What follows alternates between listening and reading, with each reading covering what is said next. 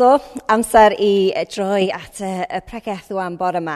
A da ni'n edrych ar y cwestiwn mawr o pam fysa diw da yn caniatáu dioddefaint. Nawr, o'n i fod i pregethu ar y pwnc yma nôl y mis Mai, um, pan oeddwn ni'n gwneud uh, e, y cyfres yma yng Nghaer Salem, lle oeddwn ni wedi gofyn i bobl um, rhannu y cwestiynau mawr sydd ganddyn nhw am ffydd ac am fywyd. Ac wrth gwrs, oedd hwn yn gwestiwn oedd wedi codi sawl gwaith. Ond yna nath y pandemig coronavirus taro yn do, nath trefn popeth, popeth newid, newid. A wedyn, Felly, dyma lle da ni wan, saith mis i fewn i'r pandemig ma, sydd wedi lladd dros miliwn o bobl o gwmpas y byd a creu dioddefaint a thrienni ofnadwy Dyma ni ar cychwyn ail lockdown yng Nghymru yn edrych ar y cwestiwn addas iawn yma yn dydyn. Ar, ar un lefel, mae hwn yn cwestiwn hynod o bersonol ac emosiynol sy'n mynd ymdwfn ni'n calonau ni. Cwestiwn sy'n gofyn pam Dyw, os, os wyt ti'n caru ni, pam wyt ti'n gadael i ni ddioddau fel hyn? Ac ar lefel arall, mae hwn yn gwestiwn philosophical a rational sydd yn galw i mewn i gwestiwn bodolaeth Dyw. Sut fedrith Dyw sy'n dda ac yn holl a lleog caniatau rhywbeth fel y pandemig yma? caniatau salwch corfforol a meddyliol, rhyfeloedd, camdriniaeth, trais, tlodi anghyfiawnder. Ydy ni'n gallu gwneud unrhyw synwyr o hyn? Wel, bore yma, da ni am drio, da ni am edrych ar sut mae'r Beibl yn gallu helpu ni dallt y byd, dallt reality dioddefaint, ond hefyd sut mae'r Beibl yn cynnig nerth a gobaith i ni pan da ni'n gwynebu pwyn a loes. Cyn i ni droi at y Beibl, dwi jyst eisiau deud gair byr o gyflwyniad i'r sefyllfa fi fy hun a'r peth o'r ddioddefaint dwi wedi gweld a aphrofi fy hun dros y blynyddoedd. Ym ngwaith gyda'r elusen TFN sydd yn gweithio um, yn 50 gwlad rond y byd i trio dod â, a diwedd i tlodi anghyfiawnder. Dwi wedi cael y fraint o, o, o gwario amser yn lot o gwledydd tlawd rhan fwyaf um, o'r gwledydd yn, yn Africa uh, dwi wedi bod i. Ac, um, dwi wedi gwario amser gyda pobl bregus a tlawd a trio ymchwil a, a deall um, tlodi mwy. Ac yn y gwaith yma dwi wedi clywed storiau ofnadwy o boen a cholled Dwi wedi clywed am, am plant yn marw oherwydd dyn nhw'n hefo dŵr glân i yfed. Dwi wedi clywed am a gweld cymunedau sydd wedi, cael eu, sydd wedi colli pob dim oherwydd llifogydd yn taro. Mamau sydd yn marw wrth gen i plant achos does na ddim gofal iechyd sylfaenol ar gael. Ac felly yn fy ngwaith dwi wedi gorfod reslo hefo rhai o'r cwestiynau yma. Ac yna rhai blynyddoedd yn ôl nes i gwynebu amser caled iawn yn bywyd fi fy hun pan um, nath Martin a finnau colli babi. O'n i wedi ffeindio allan yn gynnar yn y feichogrwydd bod na broblemau, bod ein babi ni yn gwynebu problemau iechyd, difrifol, ac yna wrth i'r feichogrwydd mynd yn ei flaen, oedd y doctoriaid gallu gweld bod oedd gen i'n babi ni Edward syndrome. A oedd hwn yn cyflwr oedd yn golygu fysa fo ddim yn byw yn hir tu allan i'r groth a gath Nathaniel i enni yn mis Mawrth 2013, ond farwodd o'n fuan ar ôl cael ei enni, a yna nathon ni cerdded trwy misoedd anodd iawn o galar a, a, a siom a cholled. So sut da ni yn wneud synwyr o'r pethau yma? Lle mae Dew yn tlodi byd eang? Lle mae Dew pan mae mam a tad yn colli plentyn neu pan, mae, pan da ni'n colli rhywun arall agos i ni? Wel gad i ni droi at besgyn y Beibl i ddeud i helpu ni. A mae yna pedwar prif pwynt da ni am weithio trwyddo bore yma gyda'n gilydd. Pwynt gyntaf ydy bod y Beibl yn rhoi fframwaith i ni ddeall pam bod na ddyrygioni a dioddefaint yn ein byd. Pam da ni ddim yn byw mewn byd perffaith, lle does dim byd byth yn mynd yn, yn wrong. Pam da ni ddim byw yn y byd yna? Mae'r Beibl yn egluro hyn. Ac yn cychwyn y Beibl yn llyfr Genesis, da ni da ni'n darllen am Dyw yn creu y byd, a mae o'n creu y byd yn dda. A fel rhan o'r greadigaeth, mae o'n creu pobl. A da ni'n darllen yn Genesis 1, adnod 26. Yna dwedodd Dyw, gadewch i ni wneud pobl yn ddelw ohono ni'n hunan i fod yn debyg i ni. So nath Dyw creu pobl mewn cariad ar ddelw ei hun. Sut mae'r Beibl yn disgrifio Dyw? Wel, y ffordd haws o deud ydy Dyw cariad Dyw. Mae'r Dyw o cariad yma yn neud pobl yn delw fo'i hun. Yn delw ohona ni'n hunain, mae'r adnodau'n deud, yn de? A mae hyn yn cyfeiri at y drindod. Dyw y tad, dyw y mab, dyw yr ysbryd glân. Roedd y tri mewn perthynaeth perffaith o gariad efo'i gilydd. A maen nhw'n gwneud pobl yn relational fel Dyw, gyda'r capacity i garu fel Dyw, i garu Dyw ac i caru ein gilydd. A mae Genesis yn helpu ni gweld hefyd bod er mwyn i gariad bodoli, mae rhaid i rhyddid bodoli. Tydy cariad sydd ddim yn dewis, ddim yn cariad. Mae Dyw yn creu pobl i garu, ond mae'n rhoi ewyllus rhydd iddyn nhw Os oedd o ddim wedi wneud hynny, os oedd e ni wedi cael ei programio neu fforsio i garu ein gilydd, sa'n ni fel robots neu peiriannau. Ac yn y gardd edan, mae Dyw yn rhoi boundary i'r pobl gyntaf a ddag efa, er mwyn i na fod dewis yna yn y rhwng perthynas rhwng ddyn nhw a Dyw. So, da ni'n darllen Genesis 2, 16. A dyma fe'n rhoi gorchymyn i'r dyn, Gei fwyta'r ffrwyth unrhyw goeden yn yr ardd, ond paid bwyta ffrwyth y goeden sy'n rhoi gwybodaeth am bopeth da a drwg. Pa wneud i hynny, byddi'n siŵr o farw. A dyma'r dewis mae Dyw yn rhoi i'r pobl cyntaf. Ac wrth gwrs, nath nhw croesi'r boundary yn do. Nath nhw defnyddio eu rhyddid i wneud penderfyniad i fod yn anefydd i ddew. Nath nhw dewis i beidio caru Dyw ac yn lle oedd nhw eisiau bod yn Dyw a chael awdurdod dros beth sydd yn dda a drwg. A mae yna air i hyn yn, yn cael ei, da ni'n galw fo y cwimp.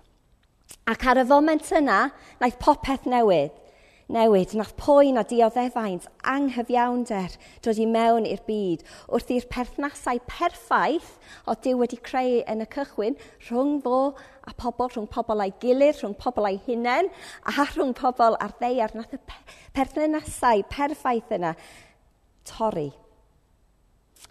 Ac ers y penderfyniad gyntaf yna, da ni'n darllen yn y Beibl, mae'n deud yn rhywfeiniaid bod pob un person wedi troi yn erbyn Dyw, wedi rebelio.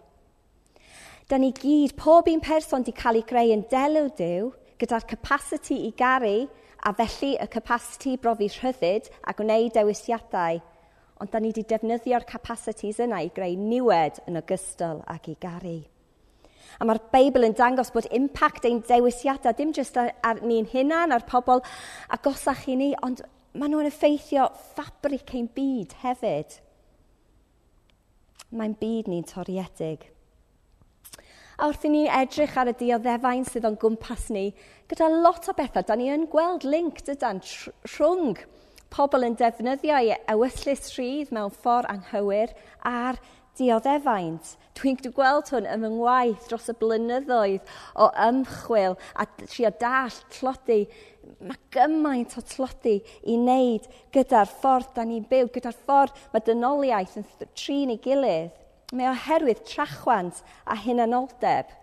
Mae llawer o natural disasters ddim yn naturiol o gwbl, maen nhw'n hollol man-made.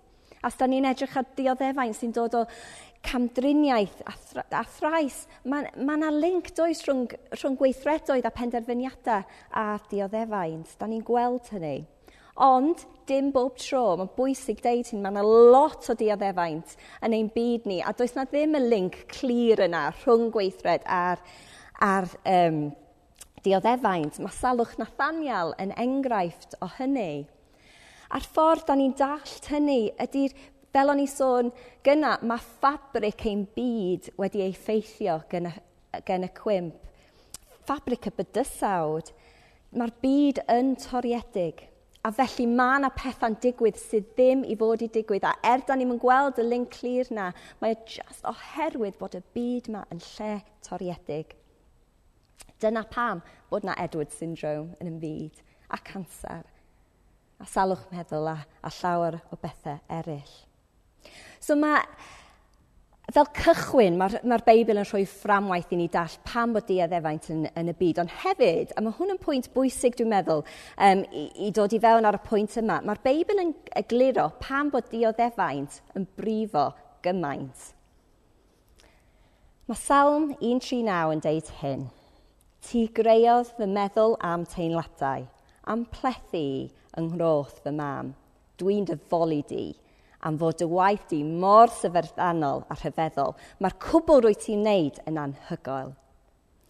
Mae dioddefaint yn brifo oherwydd da ni wedi creu a phlethu gan Dyw sydd ei hun yn gariad a wedi rhoi i delw fo ynddo ni. Pam bod o'n brifo i, fa, i mam, i fi, colli plentyn gymaint? Pam ydy o'n brifo pan da ni'n gweld pobl eraill yn ddioddef? Mae o oherwydd, da ni ddim jyst rhyw casgliad o atoms a molecules sydd yma mewn camgymeriad neu trwy hapas iawn neu drwy rhyw broses o survival of the fittest. Na, da ni yma oherwydd bod Dyw wedi creu ni. Da ni yma um, achos mae Dyw wedi caru ni. Mae dioddefaint a drygioni yn brifo oherwydd da ni yn arbennig. A mae hwn yn bwysig i ni gofio. So dyna'r pwynt gyntaf. Da ni symud ymlaen i'r ail pwynt. Da ni wedi sbio ar sut mae'r Beibl yn rhoi fframwaith i ni dallt pam bod na ddefaint a pam bod o'n brif o cymaint. Yr ail pwynt ydy deud bod y Beibl yn, yn cyflwyno ni i ddiw sydd ei hun wedi dioddef. Da ni'n gweld atab diw i'r ffaith da ni wedi troi yn erbyn o, defnyddio ein ewyllus rhydd i wneud dewisiadau gwirion a rong, mae o'n ymateb i hynny gyda ymateb llawn cariad a thosturi.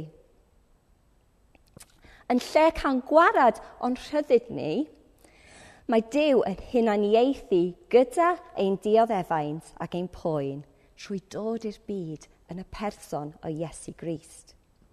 Mae Nadolig ar y ffordd yn tydi. Mae wedi bod countdown yn tu ni ers mai 24 i Nadolig, oherwydd mae hwnna diwrnod ar ôl penblwydd Caleb. A nôl yn mis Mai, o'n i'n methu copio fe meddwl am Dolig, o'n i'n methu copio efo llawer yn canol mis Mai pan oeddwn ni'n homeschoolio. So o'n i wedi dweud rhoi treol i'r plant, da ni'n mynd sôn am Nadolig tan mis Hydref. So trwy mis Medi, oedd na countdown, faint o dyddiad tan da ni'n gallu siarad am Nadolig, mam?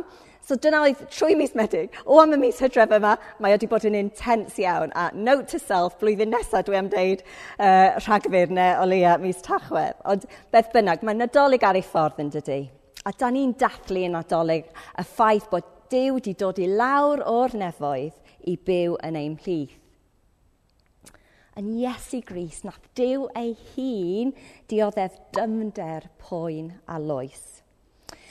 Mae'r efengylau sydd yn rhoi record i ni o bywyd Iesu, maen nhw yn sôn bod Iesu wedi profi anobaith, galar, gwrthdodiad, unigrwydd, tlodi a ffwyn ofnadwy yn ei fywyd. Dyma sut mae Marc yn cofnodi yr ori ac hyn i Iesu cael ei arestio ac yna ei lladd. Marc 14.32. Dyma Iesu mynd gyda'i ddisgyblion i le o enw Gethsemane. Eisteddwch chi yma, meddai wrthyn nhw, dwi'n mynd i weddio. Aeth a Peder, Iaco a Iowan gyda gef, a dechreuodd brofi dychryn a gwewyr meddwl oedd yn ei lethu. Mae'r tristwch dwi'n ei deimlo yn ddigon i'n lladdu, meddai wrthyn nhw. Mae Marc yn fama yn disgrifio poen difrifol iawn. Mae Luc yn ei efengilol yn, yn dweud hyn am, am yr amser yma. Gweddioedd Iesu yn gweddio yn fwy tair gan ei fod o mewn cymaint o boi'n meddwl, roedd ei chwys yn disgyn ar lawr fel dafnau o waed. Nawr mae Luke fama oedd yn doctor, mae o'n disgrifio arwydd meddygol o sioc corfforol mae Iesu yn profi ar y pwynt yma. Ar y groes mae Iesu yn crio allan, fy niw, fy niw, pam wyt ti wedi droi dy gefn arna i? Roedd Iesu, pwy ers dracwyddoldeb wedi bod yn y perth perthynas perffaith yma, o'n i sôn am yn y cychwyn, gyda ei dad, gyda'r ysbryd glân, perthynas perffaith o intimacy a gariad. Ar y groes, mae o'n cael ei dorri ffwrdd o'r drindod. Ac oherwydd hynny, mae'r ma, ma groes, ar y groes nath Iesu profi poen tu hwnt o bellffordd i unrhyw boen da ni'n profi oedd y poen ysbrydol yma o torri y drindod fel hynny yn... Um, dim ei, ei geiriau gallu disgrifio fo. A pam bod Iesu wedi wneud hyn? Pam bod Iesu wedi bod trwy'r poen yma?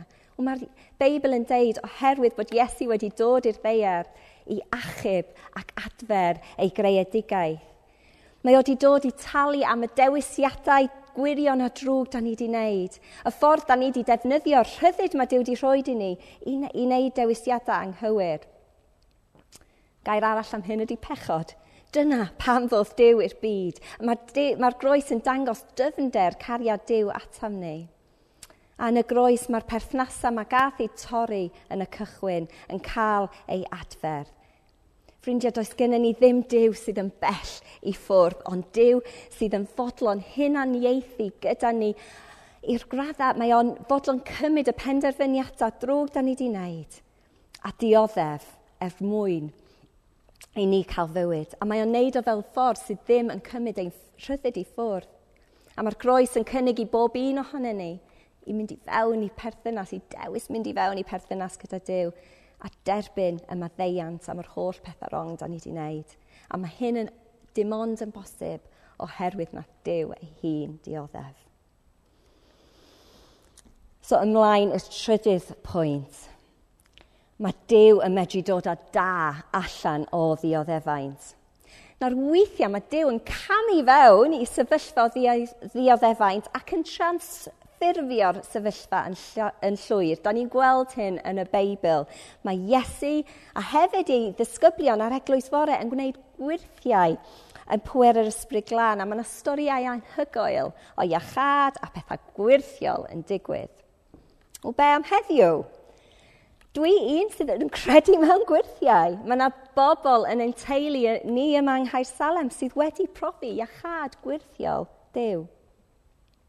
A dwi'n meddwl achos y rheswm dwi yn credu mewn gwirthiau, dyna oedd un o'r pethau ni'n really stryglo gyda pan nath Nathaniel marw, cos o'n i'n gofyn y cwestiwn o Dyw, dwi'n credu ti, ti yn iachau, ti'n medru iachau, pam wyt ti ddim wedi iachau Nathaniel?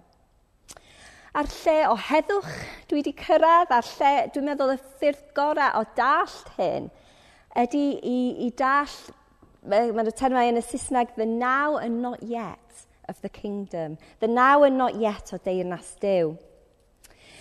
Pan nath Iesu dod i'r ddeiar, nath o cyhoeddi bod yr amser wedi dod lle mae rhywbeth newydd yn digwydd. Mae Dyw yn sefydlu ei deyrnas, mae Dyw yn dod i teirnasu mewn ffordd newydd.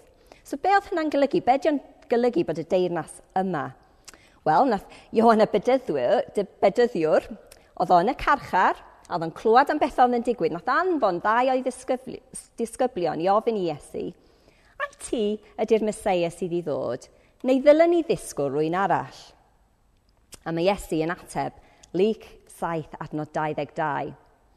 Ewch yn ôl a dweud wrth Iowan, be dych chi wedi gweld a clywed.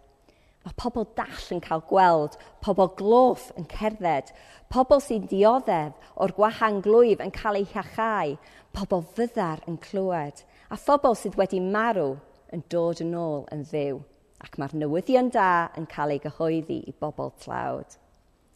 Roedd y mes mes wedi dod, roedd deyrnas Dyw wedi cychwyn, ond doedd o ddim yna yn llawn, roedd yna hefyd dal i ddod – Roedd pethau drwg dal yn digwydd. Nath Iowan ei hun cael, cael ei ladd gen Herod. Trai, wel, da ni dallan am o dau um, penod wedyn yn lyc naw. Mae'r Beibl yn deud bod y deyrnas yma, ond dydy o ddim eto yma'n llawn. Mi fydd o'n dod yn llawn pan mae Iesu yn dod yn ôl. A dyna sut da ni'n byw yn y tensiwn o the now and the not yet o'r deyrnas. Mae rhai pethau gwirthiol yn digwydd, ond mae a lot ddim. A dyna'r tensiwn da ni yn byw yn ddi. Ond hyd yn oed, os mae Dyw ddim yn ateb ein gweddia yn y ffordd ella da ni rili trwy iachau ar enghraifft, mae Dyw yn dal yn dod â da allan o dioddefaint.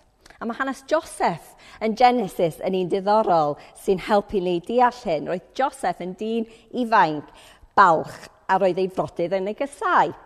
Ac yn y dicter, wnaethon nhw garcharu fo mewn pydel a gwerthu fo i, i fywyd o gaeth wasiaeth yn yr aifft. A profodd Joseph blynyddoedd o ddioddefaint a drieni ar ôl hyn. Ond yn y cyfnod yna gath ei gymeriad o i gryfhau a ffuro gan y profiad. A yn y diwedd, ddoth o'n brif wynidog yr aifft, oedd o'n medru achub miloedd o bobl, hyd yn oed i deulu ei hun, o newydd Os oedd Dyw heb caniatau i'r dioddefaint yna digwydd, fysa Joseph byth wedi gallu wneud hyn. A mae Joseph yn deud wrth ei brodydd mewn adnod pwerus iawn yn Genesis 50, 20. Roeddech chi am wneud drwg i mi, ond dyma Dyw yn troi y drwg yn beth da. Dwi'n caru rhyfeiniaid 8, 28. Dyn ni'n gwybod fod Dyw yn trefnu popeth er lles y rhai sy'n ei garu, sef y rhai mae wedi galw i gyflawni ei fwriadau. Mae Dyw yn trefnu popeth er lles ni. A fel Joseph, mae lot o pobl gallu tystio bod Dyw wedi gweithio i dod â pethau da allan o poen a ddioddefaint. Mae lot ohonyn ni'n gallu tystio bod ein tyfiant ysbrydol wedi dod trwy adegau anodd. Mae Dyw yn defnyddio'r pethau yma i helpu ni ymddiried ynddo fo. A dyna oedd profiad fi a Martin gyda Nathaniel. Nath Dyw dod â sawl peth da, a mae o'n dal i dod â pethau da allan ohono, allan ohono y, y sefyllfa. A swn i'n mynd mor bell a ddweud bod oedd na bendith yn y poen wrth i ni gorfod trystio Dyw mewn ffordd ni erioed i gorfod o'r blaen. Oedd na can oedd yn anogaeth a bendith mawr i ni yn, y, yn ystod y cyfnod o, o cario ac yna colli Nathaniel. Can gan, um, can o'r enw Aaron Keys, Sovereign Over Us. Mae'r can yma yn crynhoi sut oedden ni'n gweld Dyw ar waith er mor anodd oedd ein sefyllfa. Ac dros yr wythnos dwytha mae Arwel wedi cyfieithu'r can mewn ffordd hollol hyfryd. Um, a mae'r ma ma pennill gyntaf yn deud hyn. Mae yna gryfder yn y tristwch a hyfrydwch yn ein cri. Ti'n dod atom yn ein galar a dygariad drecha ofyn. Rwy ti'n gweithio yn ein aros, ti'n sancteiddio ni, ti'n ein dysgu i ymddiried, ti hwnt i'n deall ni. A dyna oedd ein profiad. Doedd Dyw, a dwi eisiau bod yn glir iawn yma, doedd Dyw, doedd salwch a marwolaeth Nathaniel ddim yn ewyllus Dyw.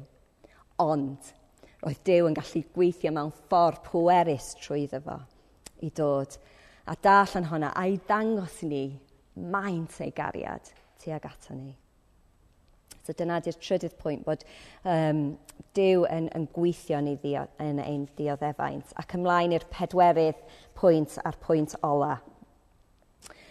Mae'r Beibl yn cynnig nerth i'r presennol a gobaith sicr i'r dyfodol.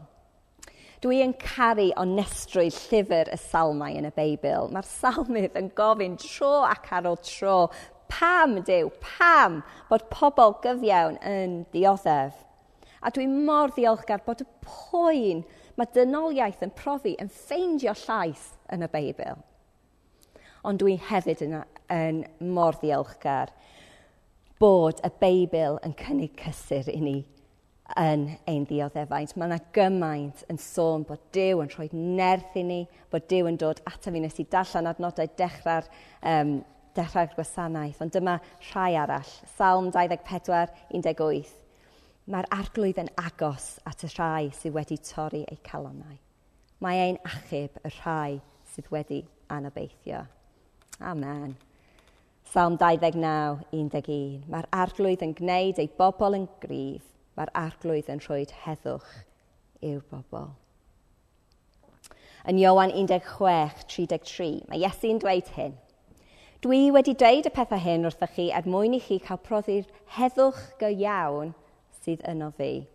Dim ond trafferthion gewch chi yn y byd hwn, ond codwch eich calonau, dwi wedi concro'r byd nath ni sôn am y groes gyna, ond mae'n bwysig iawn i ni hefyd sôn am yr atgyfodiad. Dydy'r stori ddim yn gorffen yn y groes. Doth Iesu nôl yn fyw. A mae'r Beibl yn addo amser lle bydd Iesu Grist yn dod yn ôl i'r ddeiar a sefydlu deiar newydd a nefoedd newydd. A mae'r Beibl yn disgrifio hyn mewn termau o atgyfodiad ac adferiad. Grandewch ar Eseia 65, 17 i 20. Mae Dyw yn dweud trwy y proffwyd Eseia. Achos dwi'n mynd i greu nefoedd newydd a deiar newydd. Bydd pethau'r gorffennol wedi eu hanghofio. Fyddai nhw ddim yn croesi'r meddwl. Ia, daliwch a mwynhau am byth. Dathliwch, sori, a mwynhau am byth yr hyn dwi'n mynd i'w greu. Fydd swy, sŵn crio a sgrechian ddim i'w glywed yno byth eto. Fydd babis bach ddim yn marw'n ifanc, na phobl mewn oed yn marw'n gynnar. A mae datgyddiad 21 hefyd yn ddisgrifio y deiar newydd a'r ne nefoedd newydd fel hyn. A maen nhw'n deud bydd Dyw yn sychu pob deigryn o'i llygad nhw. Fydd dim marwolaeth o hyn ymlaen, dim galaru, dim wylo, dim poen, Mae pethau fel roedden nhw wedi mynd. Un diwrnod, bydd dioddefaint a thrygioni yn gorffen. Bydd yr holl poen ac yn anghyfiawnder yn dod i ben. Un diwrnod bydd Iesu yn dod yn ôl a rhoi popeth yn iawn, unwaith ac am byth. Dyma'r gobaith mae'r Beibl yn rhoi i ni. So wrth i ni gloi, gadw ni cael recap sydyn. Mae'r Beibl yn delio gyda dioddefaint fel reality, a mae'n egluro pan mae o'n y byd. Mae'r Yn ail, mae'r Beibl yn cyflwyno ni i ddew sydd wedi camu i mewn i byd sy'n ddioddef a wedi dioddef ei hun ar y groes i adfer ac achub ni. A trydydd, mae'r diw yna yn addo bod gyna, gyda ni yn ein dioddefaint. Weithiau mae o'n traws newid y sefyllfa'n llwyr a dod â ni allan o'r dioddefaint. Weithiau mae o'n cerdded gyda ni a rhoi i ni bed a ni angen i gadw'n fynd a barhau. Ac yn pedwerydd, mae'r Beibl yn rhoi gobaith sicr i ni o dyfodol lle bydd deyrnas Dyw yma'n llawn a bydd Iesu yn rhoi pob peth yn iawn lle mae Dyw yn ein ddioddefaint. Mae o wrth ein ochr. Mae o'n nabod ni ac yn caru ni. A mae o'n gwahodd ni bore yma i fewn i perthynas agos gydag ef. Da ni wedi cyfro lot bore yma. A dwi jyst eisiau rhoi cynnig i rywun sydd eisiau siarad mwy trwy unrhyw beth dwi wedi deud neu eisiau rwy'n i gweddio gyda nhw am, am dioddefaint da chi yn mynd trwyddo ar hyn o bryd. Um, please cysylltwch gyda Rhys neu fi os ni wrth ein bodda'n siarad a gweddio gyda chi.